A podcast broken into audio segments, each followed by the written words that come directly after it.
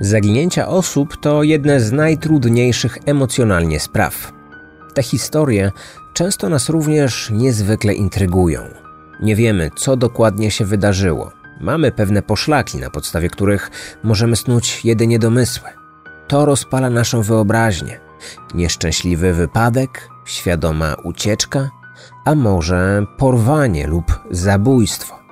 Te i podobne pytania zawsze pojawiają się w mojej głowie, gdy tylko widzę gdzieś hasło zaginięcie.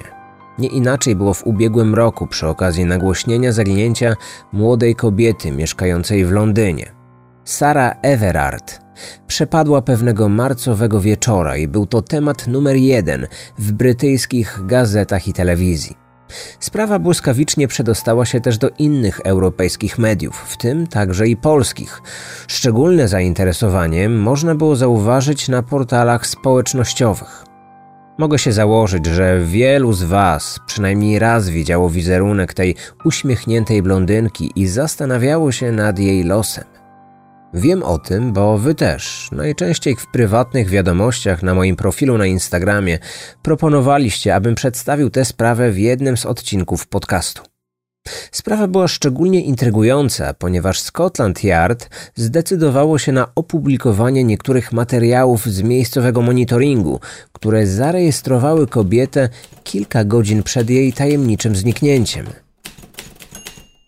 Na jednym z nagrań blondynka, która ma na sobie białą czapkę i zieloną kurtkę, wchodzi do sklepu spożywczego. Z półki zdejmuje butelkę alkoholu i podchodzi do kasy, by za nią zapłacić. Następnie wychodzi i idzie do domu swojej przyjaciółki, z którą wypija wino i spędza wieczór na rozmowach o nowym związku i pracy. Czas spędzony w miłej atmosferze dobiega końca i przychodzi czas na powrót. Na innym nagraniu widać, jak Sara idzie w stronę domu. Nie towarzyszy jej nikt, jest sama. Co dzieje się potem? Dlaczego nie dociera do swojego mieszkania? Przekonajmy się. Kryminatorium. Otwieramy akta tajemnic. 3 marca 2021 roku wypadał w środę. Dla 33-letniej Sary Everard był to dzień jak każdy inny. Rano poszła do pracy. Zajmowała się marketingiem i w nowej firmie rozpoczęła pracę zaledwie kilka tygodni wcześniej. Urodziła i wychowała się w mieście York, a do Londynu przyjechała po skończeniu studiów. Zamieszkała w Brixton Hill. Tego dnia, po wyjściu z pracy, spotkała się ze swoją przyjaciółką. Wybrała się do jej domu, który mieścił się w innej już dzielnicy. Od domu znajomej do Brixton Hill było około 4 kilometrów. Zamawiając taksówkę lub wsiadając do autobusu miejskiego, droga powrotna zajęłaby jej tylko chwilę. Jednak Sara lubiła długie spacery, więc wybrała pieszą wędrówkę, która miała jej zająć około godziny. Poza tym brytyjski rząd apelował, by ograniczyć do minimum korzystanie z komunikacji miejskiej ze względu na COVID. A Sara przestrzegała restrykcji. Było ciemno i zimno, ale to jej nie zraziło. Ulice były praktycznie opustoszałe. Większość mieszkańców siedziała w domu. Przez część drogi powrotnej Sara rozmawiała przez telefon ze swoim chłopakiem. Ich rozmowa trwała około kwadransa. Umówili się na spotkanie następnego dnia. Później nie było już od niej żadnego odzewu. Nie napisała partnerowi, że dotarła do domu. Pomyślał, że musiała być już po prostu zbyt zmęczona. Około 21.30 została uchwycona przez miejscowe kamery monitoringu. Większość trasy miała już za sobą. Zostało jej już tylko około 1,5 kilometra. Po drodze wstąpiła jeszcze do marketu. W uszach miała słuchawki, prawdopodobnie słuchała muzyki, która umilała jej długą drogę. Ubrana była w zieloną kurtkę przeciwdeszczową, granatowe spodnie z motywem białych diamentów, turkusowo-pomarańczowe buty, a na głowie miała białą czapkę. Na twarzy widoczna była maseczka ochronna. Jednak kiedy chłopak następnego dnia próbował się z nią skontaktować, nie odbierała. Nie odpisywała na wiadomości, nie oddzwaniała.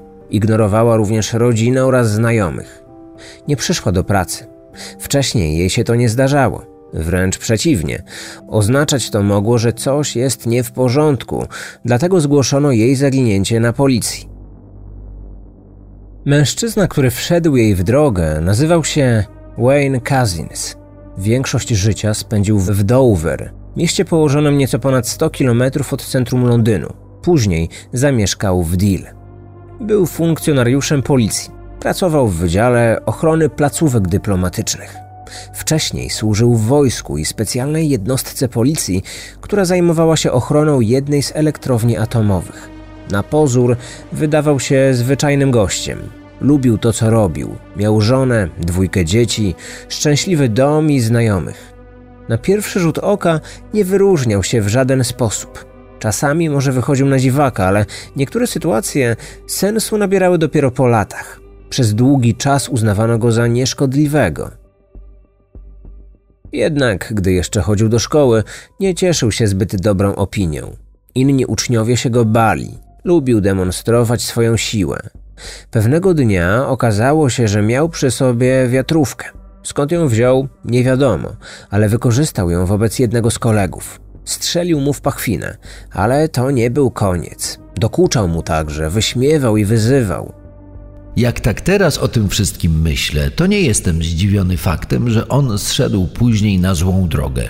Znając go już trochę, można było wywnioskować, że jest niebezpieczny i lepiej go unikać. Jednak w tamtym czasie nikt nie myślał w ten sposób. W dorosłym życiu przejawiał nadmierne zainteresowanie pornografią. Często opowiadał kolegom z pracy, co oglądał w internecie. Początkowo nikogo to zbytnio nie dziwiło. Czasami może nawet śmieszyło, ale po pewnym czasie koledzy doszli do wniosku, że stało się to jego obsesją. Zapaliła się u nich czerwona lampka, która mimo to została zignorowana. Zbyt często oglądał filmy i inne materiały pornograficzne, ale żadnej kobiety przecież nie skrzywdził. Tak właśnie myślano. Poza tym, w 2006 roku poznał kobietę, z którą związał się na stałe. W późniejszym czasie ją poślubił i już jako małżeństwo doczekali się dzieci. Wayne dobrze sprawdzał się jako ojciec i mąż, więc kwestia pornograficznej obsesji odeszła w zapomnienie. Uznano to za pewne dziwactwo, które czasami zdarza się mężczyznom. Na dawnym stanowisku pracy zyskał przydomek gwałciciel, gdyż kobiety czuły się przy nim niekomfortowo i starały się unikać sytuacji, w których znalazłyby się z nim sam na sam. Kiedy rozpoczął pracę w policji metropolitarnej, okazało się, że część jego kolegów ma podobne poglądy do niego. Do sieci wyciekły ich prywatne rozmowy i żarty o chęci zgwałcenia koleżanek z komisariatu. Nikt nie wiedział, że kryło się za tym coś więcej. Dochodziło do sytuacji, w których Wayne publicznie się obnażał. Akty ekshibicjonizmu dokonywał na oczach kobiet, które na przykład samotnie spacerowały po parku. Pod koniec lutego 21 roku postawiono mu zarzut o dokonanie właśnie takiego nieobyczajnego czynu i policjant znalazł się pod lupą innych policjantów, którzy wszczęli przeciwko niemu dochodzenie. Mimo to Wayne w dalszym ciągu mógł normalnie pracować i wykonywać powierzone mu obowiązki. We wcześniejszych latach Scotland Yard wszczynał inne postępowanie z takimi samymi zarzutami, ale sprawy prędzej czy później były zamykane, a Wayne czuł się bezkarny. On w żaden sposób się tym nie przejmował i w końcu obmyślił plan, jak swoje ukryte fantazje jeszcze bardziej urzeczywistnić. Obnażanie się przed kobietami nie było już dla niego wystarczające. Musiał posunąć się o krok dalej. W tym celu wypożyczył samochód. Skorzystał z lokalnej wypożyczalni, podał tam swoje prawdziwe dane, a płatność dokonał własną kartą. Wybrał białą Astrę i to właśnie tym autem pojechał do Londynu. Prócz tego zaopatrzył się także w duże ilości taśmy klejącej.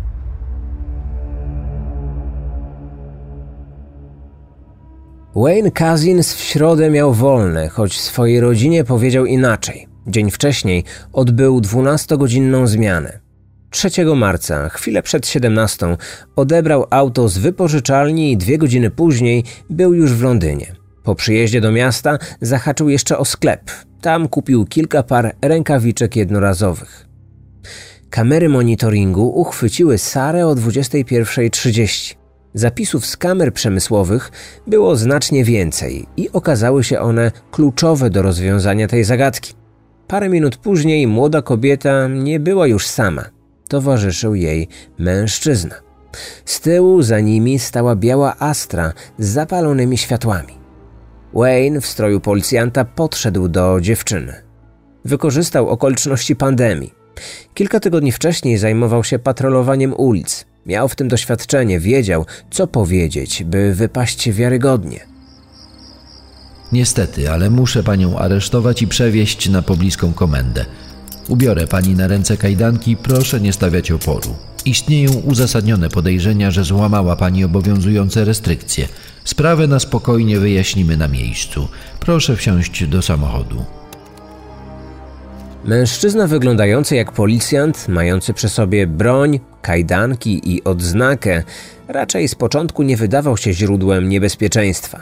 Jednak cała sytuacja musiała być dla tej dziewczyny irracjonalna. Przecież miała na twarzy maseczkę. W pobliżu nie było żadnego skupiska ludzi, a ten facet twierdził, że nie przestrzegała obowiązujących zasad. Można sobie tylko wyobrazić, co zrobić w takim przypadku, zwłaszcza gdy ktoś jeszcze krępuje twoje ręce kajdankami. Nawet wyczuwając zagrożenie, nie ma się zbyt wielkich szans na ucieczkę. Sara wsiadła do samochodu. Prawdopodobnie myślała, że podróż potrwa tylko chwilę, lecz bardzo się pomyliła. Akurat obok przechodziła dwójka ludzi, która widziała tę scenę, ale nie zdziwiło ich to szczególnie. Wzięli to za zwykłe aresztowanie. Nie byli świadomi, że to, co obserwują, to uprowadzenie. Mężczyzna zabrał 33-latkę do Kent. Zamienił wypożyczony pojazd na swój własny samochód i pojechał w pobliże działki w miejscowości Ashford, którą jakiś czas wcześniej razem z żoną kupili. Tam zgwałcił swoją ofiarę, a następnie zabił. O 2.30 zajechał do pobliskiej stacji benzynowej, gdzie zrobił zakupy spożywcze. Kilka godzin później, wczesnym porankiem, był widziany w kawiarni. Mężczyzna po wszystkim delektował się gorącą czekoladą i ciastem, później odstawił samochód do wypożyczalni. Wieczorem postanowił pozbyć się przedmiotu, który mógłby okazać się dla niego obciążającym dowodem w razie trafienia na niego przez policję. Do kanału wrzucił telefon komórkowy należący do kobiety. Zaczął również dziwnie się zachowywać. Przełożonym poskarżył się na chroniczny stres. Powiedział również, że nie chce na służbie używać broni palnej.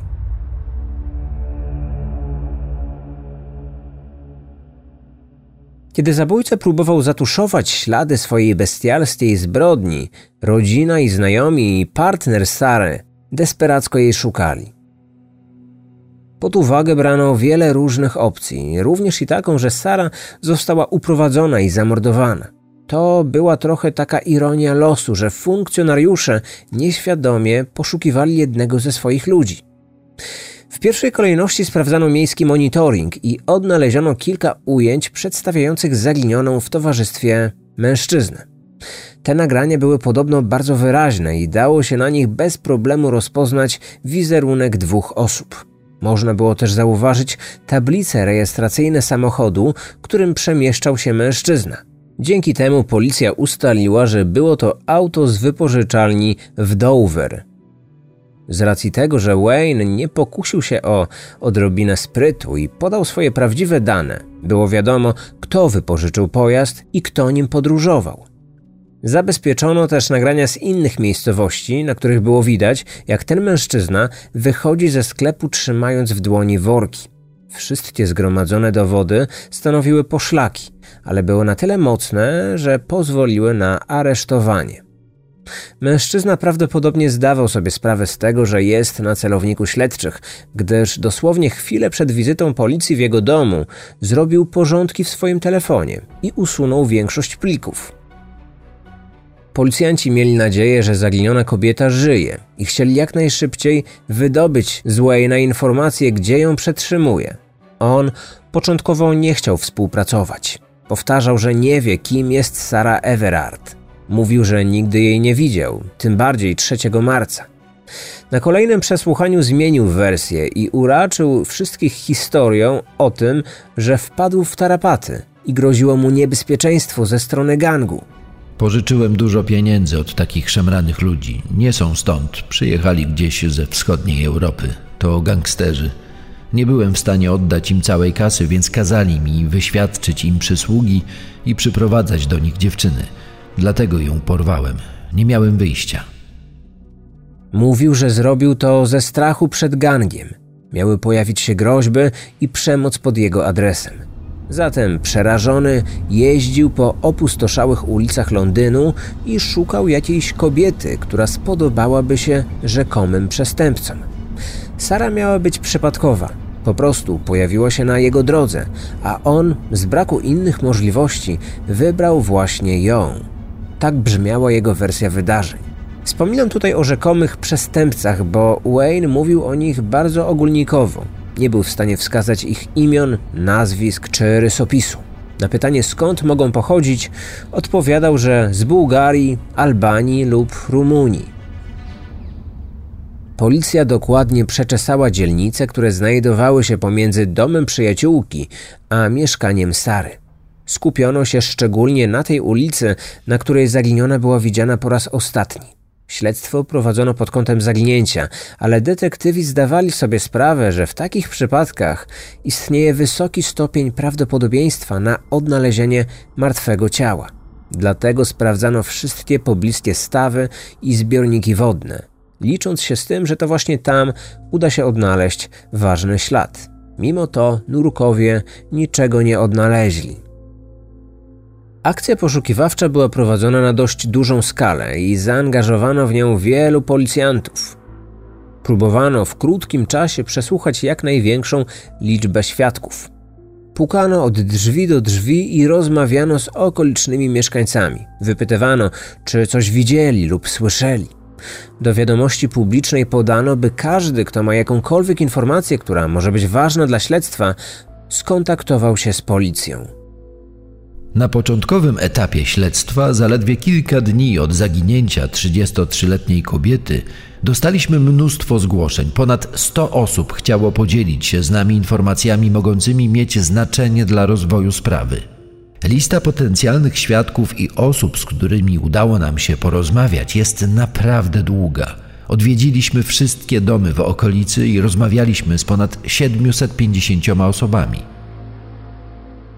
Mimo to w Londynie nie trafiono na żaden konkretny ślad, który pokazałby, czy zaginiona kobieta żyje. Nic w tym dziwnego, gdyż jak wiemy, po uprowadzeniu sprawca opuścił miasto i skierował się w stronę hrabstwa Kent. Policjanci odkryli, że podejrzany jest właścicielem działki w Ashford i mieli przeczucie, że ten teren należało sprawdzić. Faktycznie, okazało się to strzałem w dziesiątkę. Tydzień po zaginięciu kobiety ekipa policyjna pojechała do tego miejsca, by przeszukać działkę należącą do Wayne'a i jego żony. W pobliskim lesie odnaleziono ludzkie szczątki. Odnalezione ciało było spalone i znajdowało się pośród stert śmieci. Późniejsze szczegółowe badania wykazały jednak, że sprawca dokonał spalenia już po śmierci ofiary, więc nie było to przyczyną jej zgonu. Mężczyzna po zabójstwie zakupił sporą ilość benzyny, którą wykorzystał na martwej już kobiecie. Autopsja wykazała, że ofiara została najpierw zgwałcona, a później uduszona. Państwo Everard byli przerażeni, kiedy dowiedzieli się o spalonych zwłokach. Co prawda krótko, ale żyli w przekonaniu, że ciało ich córki zostało podpalone jeszcze za jej życia i ostatnie chwile przed śmiercią spędziła w niesamowitej agonii. Przez kilka dni cierpliwie wyczekiwali wyników sekcji zwłok i informacja, że ich przypuszczenia się nie sprawdziły, przyniosła im niewielką ulgę. Chociaż tyle im pozostało. Wiedzieli, że ich córka nie cierpiała przed śmiercią aż tak bardzo. Wayne po wszystkim zachowywał się jak gdyby nigdy nic. Po tym jak spalił ciało, skorzystał z usług prostytutki. Kiedy jego wina wyszła na jaw, dziennikarze dotarli do tej kobiety, która była przerażona tym, że jeden z jej klientów okazał się zabójcą i gwałcicielem. Powiedziała, że od tamtego czasu nie może przestać myśleć o tym, że ona również przecież mogła skończyć jak Sara. To jeszcze nie wszystko. Zabójca czuł się na tyle swobodnie z tym, co zrobił, że krótko później wziął w pracy wolne pod pretekstem spędzenia czasu z rodziną.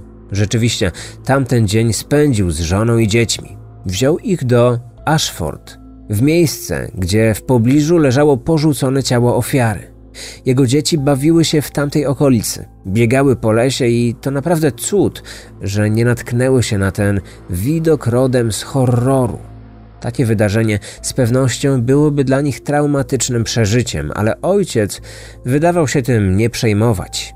Zastanawiające jest, dlaczego akurat tam pojechali i to w tak krótkim czasie po zabójstwie. Czyżby sprawca chciał znaleźć się w pobliżu swojej ofiary? To dość częste zjawisko. Mordercy wracają na miejsce zbrodni i napawają się swoim czynem. Okrucieństwem wymierzonym w osobę, którą skrzywdzili. Ale jechać do tego miejsca z rodziną? Być może gdyby ten mężczyzna nie został tak szybko schwytany, to nie poprzestałby tylko na tym jednym morderstwie. Na szczęście tak się nie stało i teraz możemy wyłącznie na ten temat spekulować. 9 marca żona Wayna, Elena, również została aresztowana. Podejrzewano, że pomagała mężowi w dokonywaniu i zatuszowaniu zbrodni. Kilka dni później wypuszczono ją z aresztu po uiszczeniu kaucji. Ostatecznie nie odnaleziono żadnych dowodów obciążających i Elena nie stanęła przed sądem. Mężczyznę być może ruszyło sumienie, albo zdał sobie sprawę, że jest na niego zbyt wiele dowodów. Jako policjant znał prawo na tyle, by wiedzieć, że za uprowadzenie, gwałt i zabójstwo grozi mu wieloletnia odsiadka. W końcu przyznał się do wszystkich zarzucanych mu czynów. Robił to stopniowo. Krótko po pierwszym zatrzymaniu przyznał się do porwania. Nieco później powiedział, że zgwałcił kobietę, ale jej nie zabił. W końcu pękł i potwierdził zarzut pozbawienia jej życia. Istniało podejrzenie, że mężczyzna mógł chorować na depresję. Gdyby tak stwierdzono, możliwość postawienia go przed sądem byłaby wątpliwa ze względu na jego poczytalność w momencie dokonania zabójstwa. Biegły lekarz psychiatra przeprowadził rozmowę nie tylko z oskarżonym, ale również jego żoną i dzięki temu miał pełen obraz sytuacji. Oskarżony w ostatnim czasie borykał się z trudnościami finansowymi, cierpiał na bezsenność i słyszał dziwne szumy. Choć nie ma udokumentowanej historii choroby, psychiatra stwierdził, że sprawca przeżył epizody łagodnej depresji. Jednakże lekarz zaprzeczył temu, by ta depresja miała jakiś związek z przestępstwami. Pobyt w areszcie śledczym był najwidoczniej dla niego trudnym przeżyciem, gdyż krótko po tym, jak został tam przewieziony, trafił do szpitala. Zranił się w głowę. Uraz okazał się niegroźny, więc hospitalizacja nie potrwała długo. Jednak dwa dni później trafił do szpitala ponownie. Internet obiegło nagranie przedstawiające karetkę i policyjny konwój w drodze do pobliskiego szpitala. Jeszcze tego samego dnia powrócił do aresztu. Dlaczego dwukrotnie siebie zranił? Tego nigdy nie wyjaśnił. Już kilka miesięcy po aresztowaniu ruszył proces, który był bardzo wyczekiwany nie tylko przez bliskich zamordowanej kobiety, ale też przez miliony Brytyjczyków, którzy nie znali Sary, ale jej historia nimi wstrząsnęła. To, że mężczyzna zostanie skazany, było pewne. Zarówno sam Wayne, jak i jego obrońca nie mieli złudzeń co do tego, że zostanie uniewinniony. Stąd mogło wynikać, że oskarżony przyznał się do winy i jego adwokat próbował to wykorzystać na sali sądowej. No, co innego im pozostało. Kiedy prokurator wnosił o dożywotnie pozbawienie wolności bez możliwości przedterminowego zwolnienia, prawnik Wayna podnosił, że jego klient przecież przyznał się do winy i z tego względu powinien zapaść łagodniejszy wyrok. Przez łagodniejszy wyrok miał na myśli 30 lat więzienia, co niekoniecznie wydaje się czymś łagodnym, ale orzeczenie takiego wyroku dawałoby mu szansę na to, że pewnego dnia opuści mury więzienia. Proces był trudnym przeżyciem dla rodziców kobiety, którzy musieli widzieć twarz zabójcy swojego dziecka i słyszeć o każdym z najmniejszych detali popełnionej zbrodni. Najgorsze dla nich było to, że już więcej nie mogli zobaczyć twarzy córki, która została zniszczona przez ogień. Oznaczało to dla nich brak należytego pożegnania. Moja córka spędziła ostatnie godziny swojego życia z facetem, który reprezentuje najgorszy poziom człowieczeństwa. Straciła życie, bo on chciał zaspokoić swoje chore fantazje. To absurdalny powód, to bezsens. Jak można tak nisko cenić ludzkie życie? Nie mogę tego zrozumieć.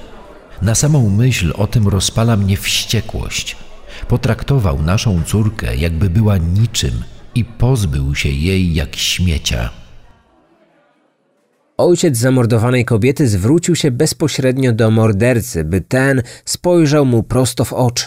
Powiedział, że nigdy nie będzie w stanie wybaczyć mu tego, że odebrał życie jego córce. Sąd również zgodził się z tym, że przestępstwa popełnione przez tego mężczyznę były niewytłumaczalne. Zgromadzono dowody, które pokazały, że była to dokładnie zaplanowana zbrodnia. On przygotowywał się do tego od miesiąca i wiele razy błąkał się samochodem po ulicach Londynu w poszukiwaniu idealnej ofiary. W końcu ją znalazł. Zwrócono także uwagę, że oskarżony wykorzystał swój autorytet jako policjanta, by uprowadzić kobietę. Każda osoba w tym państwie powinna móc zaufać policjantom i policji, spotkać się z nimi i wierzyć w ich autorytet, w to, że działają w dobrej wierze zdradził pan swoją rodzinę. Żona i dzieci są niewinni, jak ustalono w toku śledztwa, ale będą musieli żyć w poczuciu hańby przez pańskie zbrodnie aż do końca życia. Przez to, co pan zrobił, obywatele poczuli się mniej bezpiecznie, zwłaszcza kobiety, które podróżują lub przemieszczają się samotnie wieczorami i nocą. 30 września 2021 roku zapadł wyrok dożywotnie pozbawienie wolności bez możliwości przedterminowego zwolnienia. To załamało skazańca i jego rodzinę. Kiedy Elena odwiedziła męża w więzieniu, ten podobno rozpłakał się jak dziecko i zaczął przepraszać za to, co zrobił. Rodziców Sary nie przeprosił, albo przynajmniej nie zostało to podane do informacji publicznej. Wayne podobno ciężko znosi wyrok. Taką informację co jakiś czas podają brytyjskie media. Świadomość, że już nigdy nie wyjdzie z zawięziennych krat, bardzo go zdołowała. W Wielkiej Brytanii jest tylko około 60 osadzonych, którzy nigdy nie wyjdą z zakładu karnego. Wierząc w moc resocjalizacji i to, że długotrwałe kary w warunkach izolacyjnych nie są tak efektywne, jak można przypuszczać, najsurowszy wymiar kary stosuje się wyłącznie w najtrudniejszych przypadkach, którym okazała się sprawa Wayne'a. Odcinek powstał na podstawie informacji opublikowanych w brytyjskich serwisach internetowych, takich jak The Independent, Daily Mirror czy The Telegraph. Ponadto wykorzystano transkrypt z procesu Wayne'a Kazensa.